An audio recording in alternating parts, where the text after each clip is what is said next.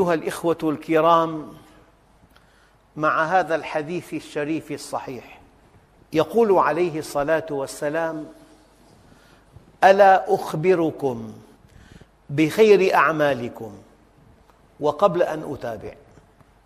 سيدنا سعد بن أبي وقاص يقول ثلاثة أنا فيهن رجل ومعنى رجل في القرآن وفي السنة لا تعني أنه ذكر تعني أنه بطل. ثلاثة أنا فيهن رجل وفيما سوى ذلك فأنا واحد من الناس. من هذه الثلاثة ما سمعت حديثا من رسول الله صلى الله عليه وسلم إلا علمت أنه حق من الله تعالى. ما سمعت حديثا من رسول الله صلى الله عليه وسلم إلا علمت أنه حق من الله تعالى. في ضوء هذا القول لسيدنا سعد بن أبي وقاص تابعوا معي هذا الحديث. ألا أخبركم بخير أعمالكم؟ على الإطلاق خير اسم تفضيل. وأزكاها عند مليككم. أرقاها عند الله عز وجل. وأرفعها لدرجاتكم. هذا العمل يرفعك إلى أعلى عليين. وخير لكم من إنفاق الذهب والفضة. وخير لكم من أن تلقوا عدوكم فيضربون رقابكم. وتضربون رقابهم. قالوا بلى يا رسول الله. قال ذكر الله تعالى. ما في عبادة تدور مع الإنسان ليلا نهارا صباحا مساء. وأنت متزوج وغير متزوج وفي الطريق وفي بيتك وفي عملك. صحيح مريض ما في عبادة تدور مع الإنسان في كل أوقاته وفي كل شؤون حياته كهذه العبادة. إذا قرأت القرآن فأنت ذاكر وإذا دعوت الله فأنت ذاكر وإذا استغفرت فأنت ذاكر وإذا ناجيت الله فأنت ذاكر وإذا فتحت كتاب فقه كي تعرف الحكم الشرعي في موضوع ما فأنت ذاكر. وإذا دعوت إلى الله فأنت ذاكر. وإذا رويت حديثا عن رسول الله فأنت ذاكر. عبادة تدور معك. راكب سيارة من دمشق إلى حلب. ذكرت الله عز وجل فأنت ذاكر. مرة ثانية. ألا أخبركم بخير أعمالكم وأزكاها عند مليككم؟ وأرفعها في درجاتكم وخير لكم من إنفاق الذهب والفضة وخير لكم من أن تلقوا عدوكم فيضربون أعناقكم وتضربون أعناقهم قالوا بلى يا رسول الله قال ذكر الله. حديث آخر. عن أبي هريرة رضي الله عنه قال سمعت رسول الله صلى الله عليه وسلم يقول الدنيا ملعونة. الدنيا من شأنها أنها تبعدك عن الله. ملعون ما فيها إلا ذكر الله وما والاه. أجمل ما في الدنيا ذكر الله. أجمل لقاء مذاكرة العلم. أجمل حضور حضور مجلس علم. وعالم ومتعلم. الناس ثلاث عالم ومتعلم. والقسم الثالث وهمج رعاع أتباع كل ناعق. لم يستضيئوا بنور العلم ولم يلجأوا إلى ركن وثيق. فاحذر يا كميل أن تكون منهم.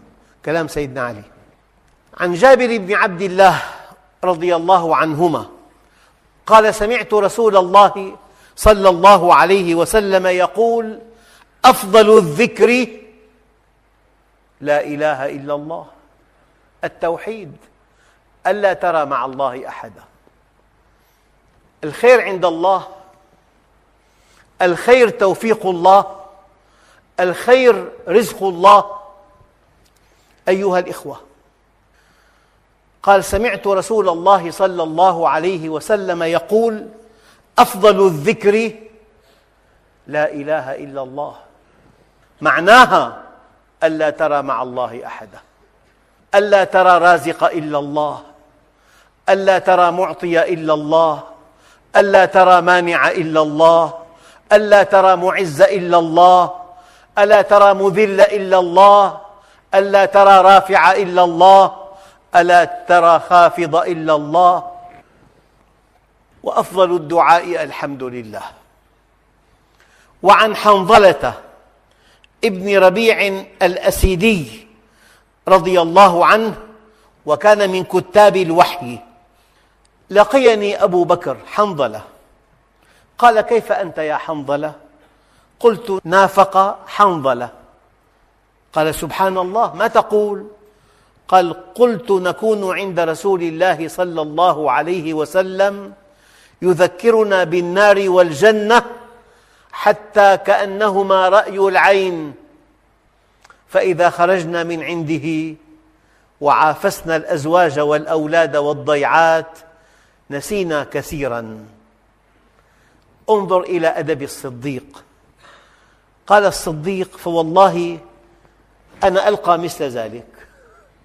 تطيبا لقلبه فانطلقت أنا وأبو بكر حتى دخلنا على النبي صلى الله عليه وسلم. فقلت نافق حنظلة يا رسول الله. فقال عليه الصلاة والسلام ولم؟ قال يا رسول الله نكون عندك تذكرنا بالنار والجنة. فإذا خرجنا من عندك عافسنا الأزواج والأولاد والضيعات ونسينا كثيراً. فقال عليه الصلاة والسلام والذي نفسي بيده. لو تدمون على الحال التي أنتم عليها عندي وعلى الذكر لصافحتكم الملائكة ولزارتكم في بيوتكم. الذكر. إذا كنت ذاكراً أنت مع الله وإذا كنت مع الله كان الله معك. وإذا كنت مع الله تجلى على قلبك. وإذا كنت مع الله ألقى عليك السكينة. وإذا كنت مع الله أعطاك الحكمة. إذا كنت مع الله أعطاك الرضا. وعن أنس بن مالك رضي الله عنه قال قال عليه الصلاة والسلام إذا مررتم برياض الجنة فارتعوا. قالوا وما رياض الجنة؟ قال حلق الذكر. مجلس علم. جلسة فيها مذاكرة القرآن الكريم. جلسة فيها مذاكرة لحديث رسول الله. جلسة فيها حديث عن الصحابة الكرام. أيها الإخوة هذه مقدمة. الذكر ورد في القرآن الكريم أكثر من مئة وأربعين مرة. لكن أول موضوع في الذكر في القرآن الكريم كثرة الذكر لماذا؟ لأن المنافق يذكر الله لكن قليلا قال تعالى إن المنافقين يخادعون الله وهو خادعهم وإذا قاموا إلى الصلاة قاموا كسالى يراءون الناس ولا يذكرون الله إلا قليلا.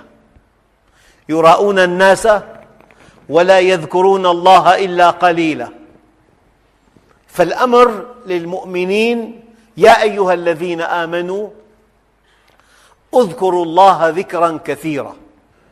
التركيز على كلمة كثير.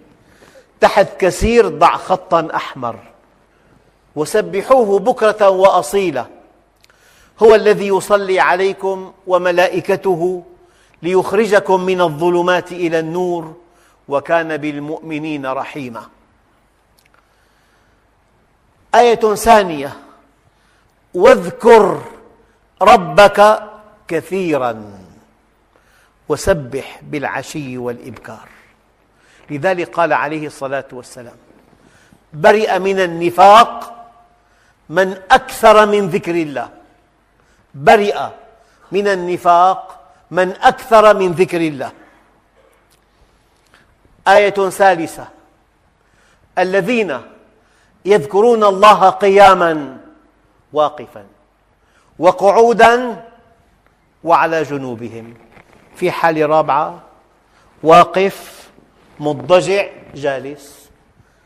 يعني يذكرون الله دائما ويتفكرون في خلق السماوات والأرض هنا معنى جديد. أحد هذا عطف الخاص على العام أحد أهم أنواع الذكر التفكر في خلق السماوات والأرض. لأنك إن تفكرت في خلق السماوات والأرض عرفت الله. وإذا عرفت الله عرفت كل شيء. وإن فاتتك معرفة الله فاتك كل شيء. الذين يذكرون الله قياما وقعودا وعلى جنوبهم ويتفكرون في خلق السماوات والأرض. ربنا ما خلقت هذا باطلا سبحانك فقنا عذاب النار. آية الأمر يقتضي أن تأتمر وآية النهي يقتضي أن تنتهي. آية مشاهد الجنة يقتضي أن تعمد للجنة. آية مشاهد النار يقتضي أن تفر منها. آية الأمم السابقة يقتضي أن تتعظ والآيات الكونية التي تقترب من ألف آية ما موقفك منها؟ أن تتفكر في خلق السماوات والأرض لذلك قال تعالى إن في خلق السماوات والأرض واختلاف الليل والنهار لآيات لأولي الألباب الذين يذكرون الله قياما وقعودا وعلى جنوبهم ويتفكرون في خلق السماوات والأرض. ربنا ما خلقت هذا باطلا سبحانك فقنا عذاب النار. آية خامسة. إلا الذين آمنوا وعملوا الصالحات وذكروا الله كثيرا. الأمر بالذكر مرتبط بالكثرة لأن المنافق يذكر الله قليلا. وقت الذكر وهو الذي جعل الليل والنهار خلفة.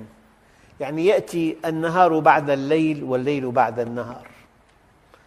لمن أراد أن يذكر أو أراد شكورا يعني قبيل طلوع الشمس وقبيل غروبها لا تعجز عن الذكر.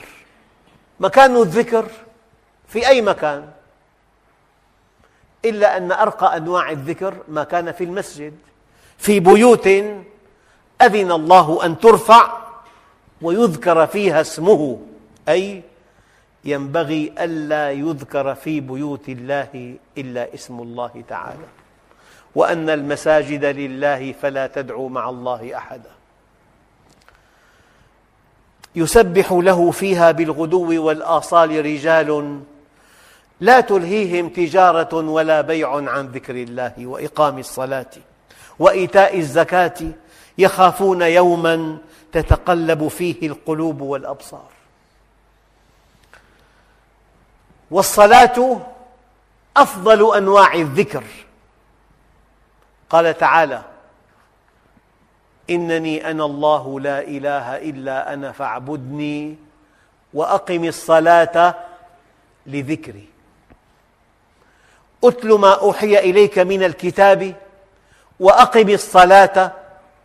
إن الصلاة تنهى عن الفحشاء والمنكر ولذكر الله أكبر. قال علماء التفسير ذكر الله أكبر ما فيها. الآن موضوعات الذكر الموضوعات. أولا يذكر الإنسان أنا خلقناه من قبل ولم يك شيئا. هل تذكر نعمة الله عليك أن أوجدك؟ نعمة الإيجاد. أولا يذكر الإنسان أنا خلقناه من قبل ولم يك شيئا. هل أتى على الإنسان حين من الدهر لم يكن شيئا مذكورا؟ الموضوع الثاني أول موضوع نعمة الإيجاد. أنت موجود بفضل الله عز وجل. نعمة ذكر الآلاء. الكون كله يدل على الله. الكون مظهر لأسماء الله الحسنى. قال تعالى فاذكروا آلاء الله لعلكم تفلحون. آياته الكونية لك سمع لك بصر لك شعر لك دماغ. أمامك ماء أمامك زوجة أولاد في جبال في أنهار في بحيرات في أطيار في أسماك في نباتات. واذكروا آلاء الله لعلكم تفلحون. موضوع ثاني. الموضوع الخطير. إنا أخلصناهم بخالصة ذكر الدار. هل اليوم الآخر داخل في حساباتك؟ قبل أن تعقد صفقة هل تحاسب عليها يوم القيامة؟ المادة محرمة قبل أن تفعل شيئا هل تتساءل ماذا أجيب الله يوم القيامة؟ من أكبر نعم الله دقق من أكبر نعم الله بعد الإيمان به أن تذكر كل دقيقة اليوم الآخر قبل أن تعطي قبل أن تمنع قبل أن تغضب قبل أن ترضى قبل أن تصل قبل أن تقطع قبل أن تطلق زوجتك قبل أن تعقد عقدا على فتاة لا ترضي الله قبل أن تنسحب من شريكك إذا سألك الله يوم القيامة بماذا تجيب؟ إنا أخلصناهم بخالصة ذكر الدار تذكر الدار الآخرة دائما. سألوا طالب حصل الأولى على وطنه في الشهادة الثانوية. بما نلت هذا التفوق؟ قال لأن لحظة الامتحان لم تغادر مخيلتي ولا ثانية. إذا ذكرت الموت والدار الآخرة ذكرت القبر ذكرت العذاب الجنة النار الصراط أن تكون مع الأنبياء يوم القيامة. هل أدخلت الآخرة في حساباتك؟ والله الذي لا إله إلا هو. معظم المسلمين موضوع الدار الآخرة ليس داخلا في حساباتهم أبدا. بدليل الكسب الحرام أحيانا والغش والكذب وما إلى ذلك. من أفضل أنواع الذكر خذوا ما آتيناكم بقوة. كيف؟ واذكروا ما فيه. يعني لو بحثت في حكمة الصلاة حكمة الصيام حكمة الحج حكمة تحريم الربا الآن ظهر للعالم كله ماذا يعني أن الربا عند المسلمين محرم. هذا تشريع خالق الكائنات تشريع رب الأرض والسماوات. واذكروا ما فيه لعلكم تتقون. الآن اذكر نعمة الله عليك التي خصك بها. نظر النبي عليه الصلاة والسلام في المرآة فقال اللهم كما حسنت خلقي فحسن خلقي. يعني الله أقامك بوضع كامل. حواس أعضاء أجهزة كاملة. معك مفتاح بيت لك زوجة لك أولاد. واذكروا نعمتي التي أنعمت عليكم. هذا موضوع للذكر. لقيت في طعام ببيتك في غرفة نوم في غرفة ضيوف في مطبخ في حمام في زوجة في أولاد. هي نعم كبرى. كان إذا دخل بيته يقول الحمد لله الذي آواني وكم ممن لا مأوى له. موضوع آخر. واذكروا نعمة الله عليكم إذ كنتم أعداء فألف بين قلوبكم. يعني إذا كنت مع أخ مؤمن شعرت بمحبة تجاهه بوفاء بإخلاص استأنست به. نعمة كبيرة.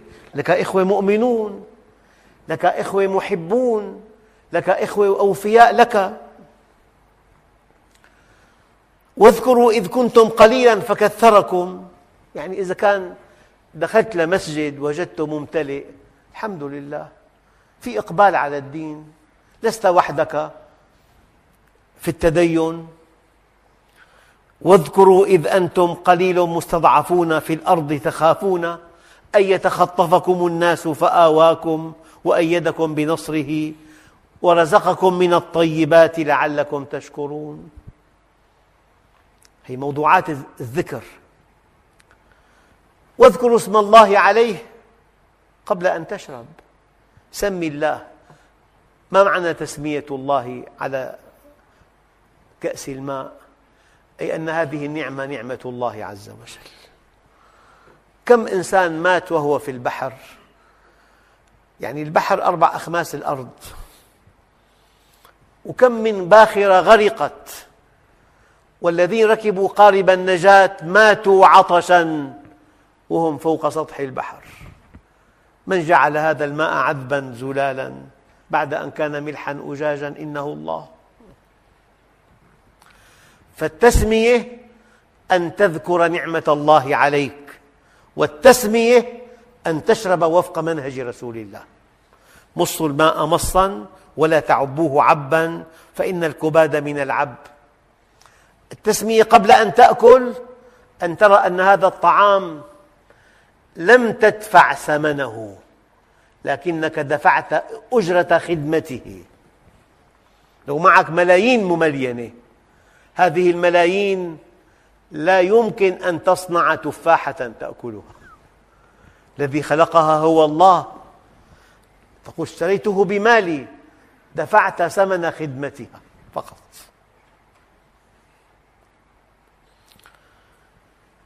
بتاريخ حياتك في أزمات.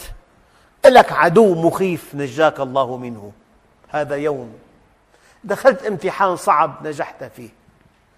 بحثت عن وظيفة سبع سنوات ثم عينت في وظيفة جيدة. هذه أيام الله. قال تعالى وذكرهم بأيام الله. يوم الله نصرك يوم وفقك كان في شبح مرض خبيث طلع ورم حميد. هذا يوم من أيام الله. كان في شبح أن تبقى عازبا. الله هيأ لك من يقدم لك مساعدة. وتزوجت وعندك بيت وعندك أولاد. هي من أيام الله عز وجل. وذكرهم بأيام الله. إن في ذلك لآيات لكل صبار شكور. لك عدو مخيف حقود. نجاك الله منه. اذكروا نعمة الله عليكم إذ أنجاكم من آل فرعون. هي موضوعات الذكر. غفلت عن الله عز وجل. غرقت في الدنيا. نسيت. واذكر ربك إذا نسيت. وقل عسى أن يهديني ربي لأقرب من هذا رشدا. لا سمح الله ولا قدر وقعت في معصية. والذين إذا فعلوا فاحشة أو ظلموا أنفسهم ذكروا الله فاستغفروا لذنوبهم ومن يغفر الذنوب إلا الله. موضوعات الذكر وقت الذكر مكان الذكر كثرة الذكر. الآن كيفية الذكر؟ واذكر ربك في نفسك تضرعا متذللا وخيفة من دون رفع صوت. أفضل الذكر إخفاء الذكر. تضرعا أي تذللا. وخيفة أي خفية. ودون الجهر من القول بالغدو والآصال صباحا ومساء ولا تكن من الغافلين. نتائج الذكر. فاذكروني أذكركم. إنسان يجلس بمجلس يتحدث عن نفسه عن بطولاته عن ذكائه عن خبراته عن دخله عن زواجه عن بيته عن نزهاته. إنسان آخر يعتم على ذاته ويتحدث عن ربه. فاذكروني أذكركم. ورد في بعض الأحاديث القدسية لا يذكرني عبد في نفسه إلا ذكرته في ملأ من ملائكتي. ولا يذكرني في ملأ إلا ذكرته في ملأ خير منهم. أنت تعتم على نفسك والله عز وجل يرفع ذكرك بين الناس. أنت آثرت أن تعرف الناس بالله عن أن تعرفهم بنفسك. فرفع الله لك ذكرك. فاذكروني أذكركم. لكن في معنى دقيق جدا وأقم الصلاة إن الصلاة تنهى عن الفحشاء والمنكر ولذكر الله أكبر. ذكر الله لك. وأنت في الصلاة أكبر من ذكرك له. إنك إن ذكرته أديت واجب العبودية لكنه إذا ذكرك منحك نعمة الأمن. وكم من إنسان يفتقدها الآن؟ إنك إن ذكرته منعك منحك نعمة الحكمة. ومن يؤت الحكمة فقد أوتي خيرا كثيرا.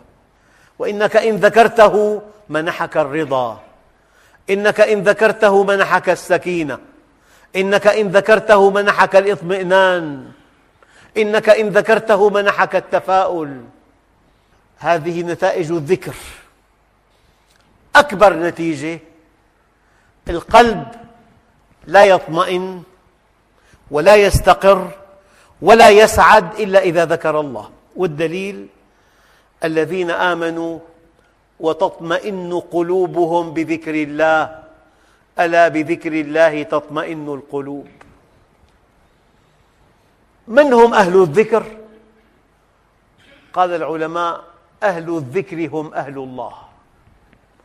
أهل الذكر هم أهل القرآن.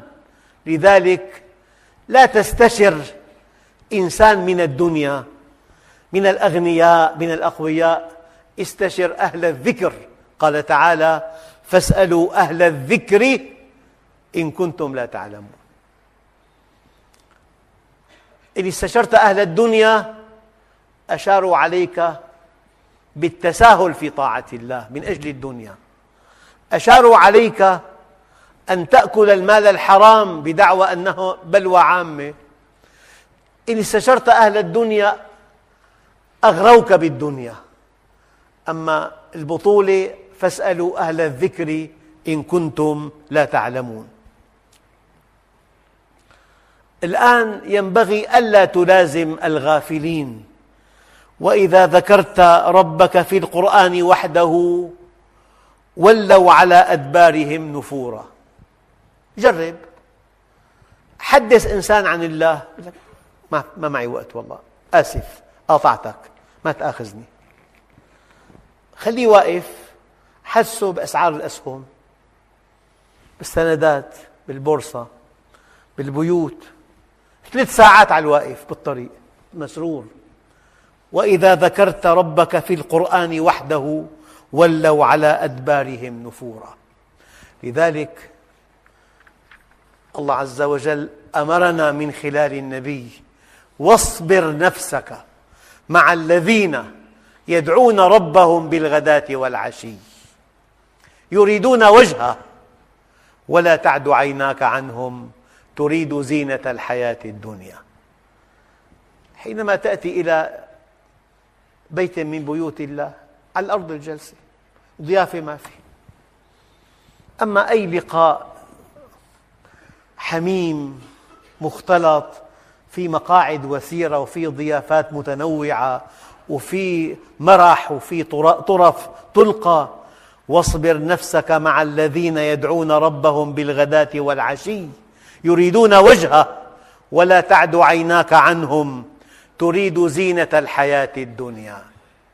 جالس بالبيت مرتاح لك مقعد خاص أمامك زوجتك أولادك. تتابع شيء معين تقرأ شيء معين تمزح مع أولادك مسرور جدا. دخل وقت الدرس نهضت من بيتك وتوجهت إلى الدرس العلم. هي إلى ثمن عند الله. واصبر نفسك مع الذين يدعون ربهم بالغداة والعشي يريدون وجهه. نتائج عدم الذكر. ومن أعرض عن ذكري فإن له معيشة ضنكا ونحشره يوم القيامة أعمى. ومن صفات الكفار بل هم عن ذكر ربهم معرضون. ما بيقبل تفسير إلهي؟ تفسير سماوي تفسير توحيدي تفسير ديني. لا يقبل إلا تفسير أرضي. الزلزلة اضطراب بالقشرة الأرضية فقط. طيب من مسبب الأسباب؟ وما كان ربك ليهلك القرى بظلم وأهلها مصلحون؟ في هلاك بالزلزال في هلاك بالفيضان في هلاك بالجفاف. ما بيقبل إلا تفسير أرضي مادي. ما تفسير أرضي مدعوم بتفسير توحيدي. تفسير إلهي تفسير قرآني يعني بلد في حرب أهلية. ما ممكن يتفسر هذا الحدث إلا بنزعات طائفية أو بعدوان خارجي أو بمؤامرة على البلد.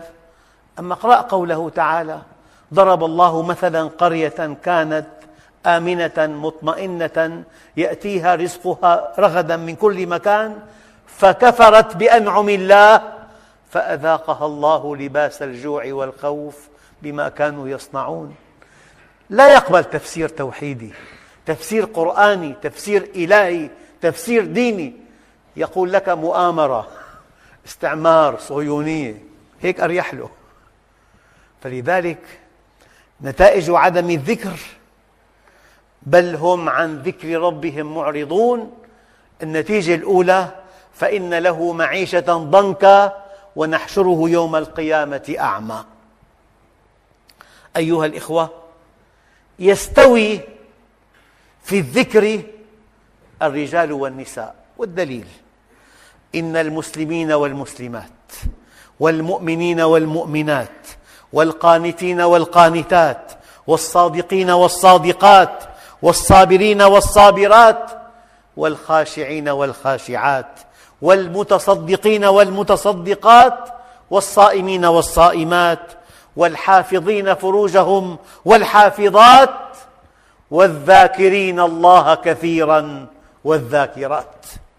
أعد الله لهم مغفرة وأجرا عظيما آخر موضوع في الذكر أن الدعوة إلى الله نوع من مقابلة الإحسان بالإحسان. واذكروا الله كما هداكم. هو هداكم. اهتديت وحدك. لا تكون أناني. كما هداك الله إليه وكما صبر عليك وكما حلم عليك. ادع إليه. واصبر على من تدعوهم إلى الله. وكن حليما عليهم. لا تضجر.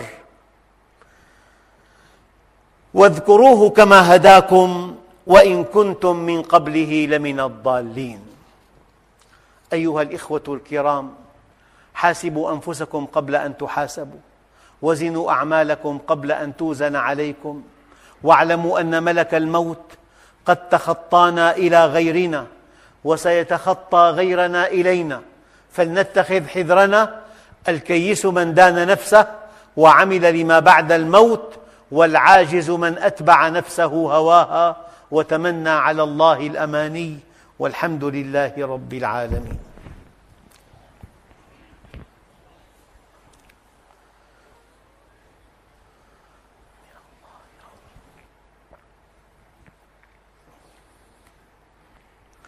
الحمد لله رب العالمين وأشهد أن لا إله إلا الله ولي الصالحين وأشهد أن سيدنا محمدا عبده ورسوله صاحب الخلق العظيم.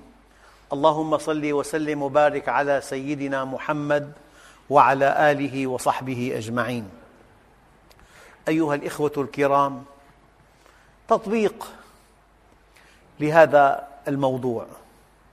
يعني إنسان أحيانا في عنده وقت لا بد من أن ينفقه مسافر لحلب يجري ببرنامج رياضي يومي. يمكن أن تستغل هذه الأوقات بالذكر بالدعاء بالمناجاة بالإستغفار بسماع القرآن بسماع درس.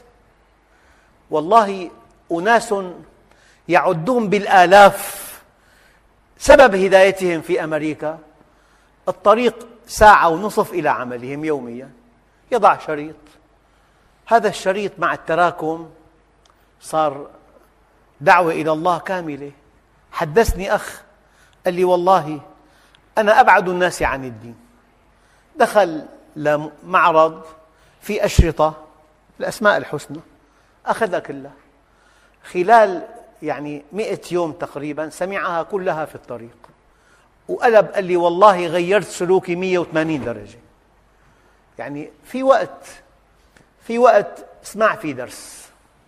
اسمع في قرآن. اسمع في ناجي ربك. ادعو الله عز وجل. الأوقات التي تراها أوقات لا بد من أن تنفق. في أوقات انتظار عند الطبيب أحيانا لا سمح الله. في أوقات. في أوقات سفر في أوقات الوقت الميت بالتعبير الدارج. هذا ينبغي أن يمتلئ بالذكر. عندئذ تكون أسعد الناس. حياة صعبة. ومعقدة ضغوط عمل شديدة. أنا عم بطلب منك فضلا عن الصلوات الخمس الفرائض وعن صيام رمضان الأوقات التي لا بد من أن تنفقها. شئت أم أبيت؟ هذه استغلها في الذكر. أنا أعرف أناس كثيرين وقت الرياضة ووقت الذكر. ساعة ماشي. بيقرأ قرآن أو بيسمع قرآن أو بيسمع درس. أو بيناجي ربه أو يدعو الله عز وجل. هذا الذكر لا بد منه. قال عليه الصلاة والسلام برئ من النفاق من أكثر من ذكر الله وبرئ من الشح من أدى زكاة ماله وبرئ من الكبر من حمل حاجته بيده.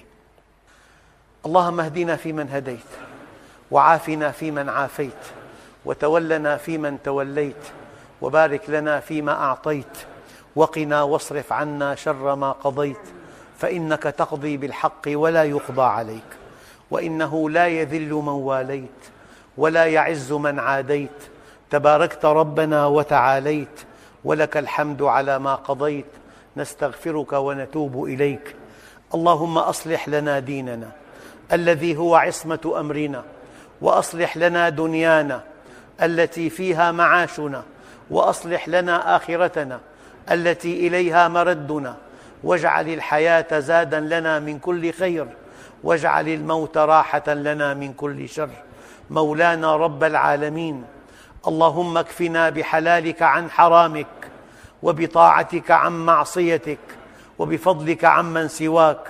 اللهم أعطنا ولا تحرمنا أكرمنا ولا تهنا آثرنا ولا تؤثر علينا أرضنا وارض عنا. اللهم بفضلك ورحمتك أعل كلمة الحق والدين وانصر الإسلام وأعز المسلمين وخذ بيد ولاتهم إلى ما تحب وترضى. اجعل هذا البلد آمنا سخيا رخيا وسائر بلاد المسلمين.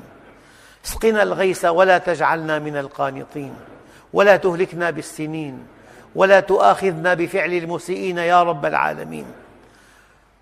اللهم وفق ولاة المسلمين لما تحب وترضى. واجمع بينهم على خير. إنك على ما تشاء قدير. وبالإجابة جدير.